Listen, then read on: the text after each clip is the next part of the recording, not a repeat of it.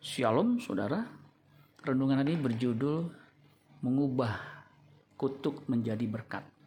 Nehemia 13 ayat 1 dan 2. Pada masa itu bagian-bagian daripada kitab Musa dibacakan dengan didengar oleh rakyat.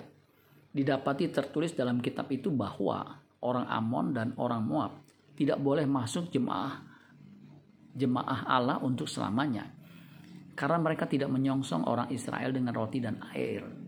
Malah mengupah Biliam melawan orang Israel supaya dikutukinya. Tetapi Allah kami mengubah kutuk itu menjadi berkat. Nabi Nehemia mengingatkan bangsanya bahwa Allah mereka bisa mengubah kutuk menjadi berkat. Bangsa Israel tahu bahwa ada nabi yang disogok bernama Biliam. Semula ia dipandang sebagai seorang penglihat wahyu yang kufur, nabi palsu. Kemudian ia muncul dalam tradisi muda sebagai seorang nabi. Raja Balak dari Moab mengirimnya untuk pergi pergi untuk mengutuk bangsa Israel. Kenyataannya, ia terpaksa menjanjikan datangnya berkat. Tetapi dengan tidak disangka-sangka, Biliam malah mentaati perintah Allah dan memberkati umat Israel. Bangsa Israel bukan saja sudah terlanjur diberkati, tetapi dari bangsa ini akan lahir seorang yang akan menjadi berkat. Sehingga manusia yang sudah terkutuk karena dosa diubah menjadi berkat.